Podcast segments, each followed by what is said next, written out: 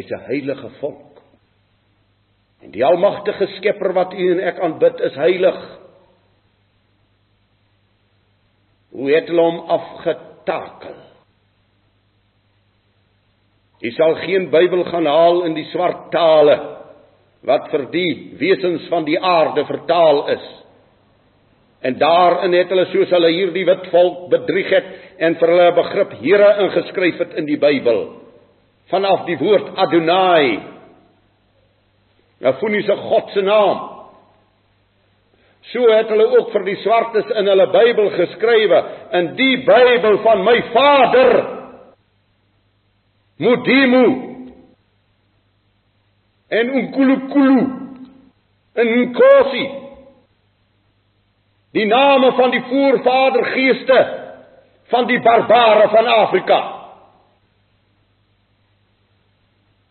Hoe is die heiligheid? Die heiligheid van my en u Vader vernietig deur die mens. Hy laat bou Hy laat bou op die trekpad vir die volk in eenvoudige tent. En in daardie tent is daar 'n allerheiligste plek. En nie moet die Bybel gaan lees. En na hierdie allerheiligste was daar 'n voorhangsel. En net een man het eenmal 'n jaar in die allerheiligste ingegaan. En dis op die aarde in 'n tent. En moet gaan kyk hoe moes hy gehandel het voordat hy die allerheiligste betree. En aan die vloekhout op Golgotha sterwe hy. En hierdie voorhangsel in die toe handgeboude mense tempel skeur. En die mens, die sondige Israeliet, kry toegang tot die allerheiligste deur die bloed van die lam. En hoe is die heiligdom betree en vertrap. En sê die skrif hulle bestorm die koninkryk. Natuurlik. Wie sal nie hierdie koninkryk bestorm nie? Satan die vader van alle leuen en alle moord het die heiligdom bestorm.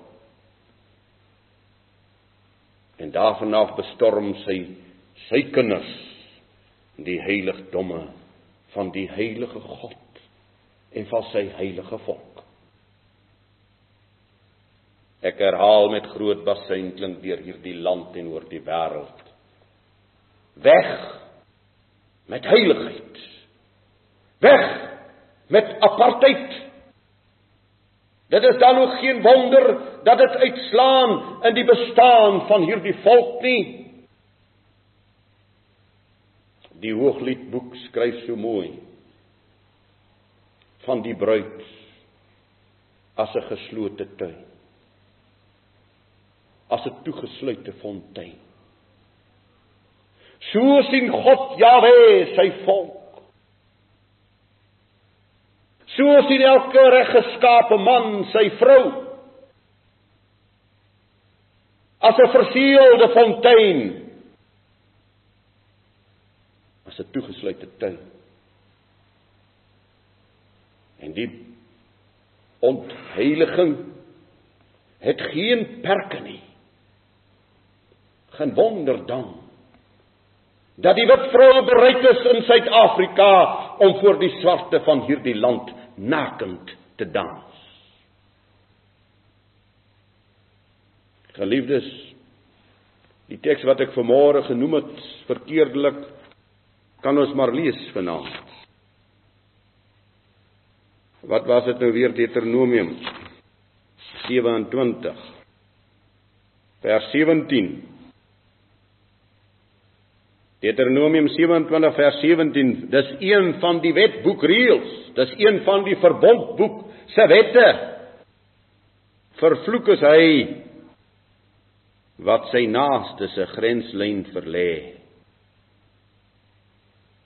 En die hele volk moet sê amen. Vervloek is hy wat 'n blinde op die dwaalweg lei. En die hele volk moet sê amen. En so gaan dit voort.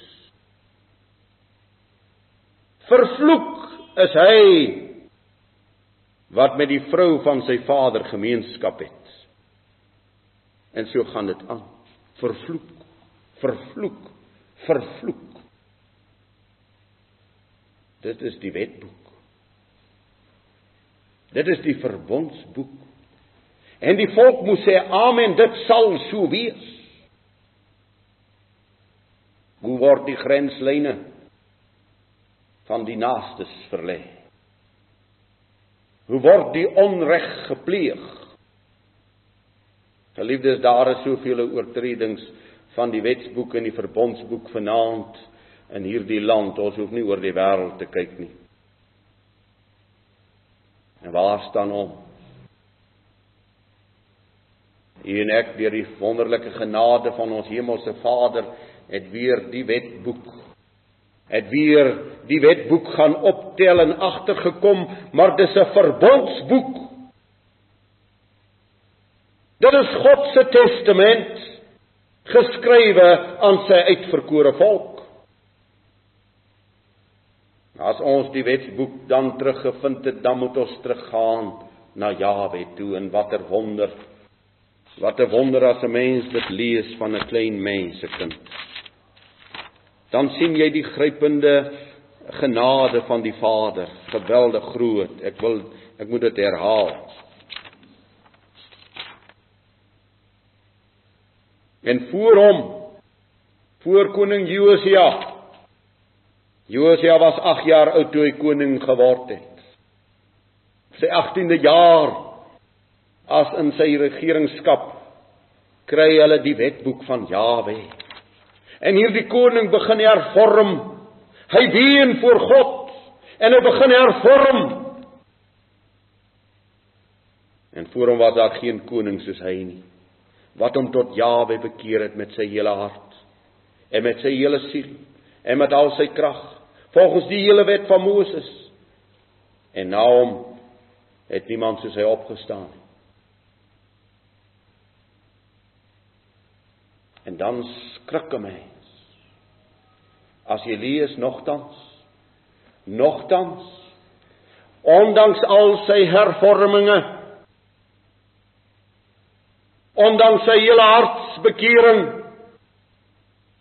nogtans het Jawe hom nie afgewend van sy groot toorngloed waarmee sy toorn teen Juda ontvlam het oor al die terginge waarmee Manasse hom geterg het Dis die vorige koning. Tussen hom was een wat kort geregeer het tussen Josia en Manasse. Jy moet oplet wat hier staan. Ondanks hierdie wonderlike hervorming van hierdie koning terug na die wetboek en terug na die verbond het God hom nie afgewend van sy toorn gloed nie Wat is dan vanaand ons toestand geliefdes as die hervorming waarin u en ek vir ons bevind in Suid-Afrika en in die wêreld nie terug is na die wetboek toe nie, nie terug is na die verbondsboek toe nie, maar die hervorminge en die veranderinge en die vernuwings op pad is na die hel. Na die boek van die duiwel met hulle gelykheidsleer en hulle vryheidsleer. Terug na die oersonde. Terug na al die gruwels van die heidene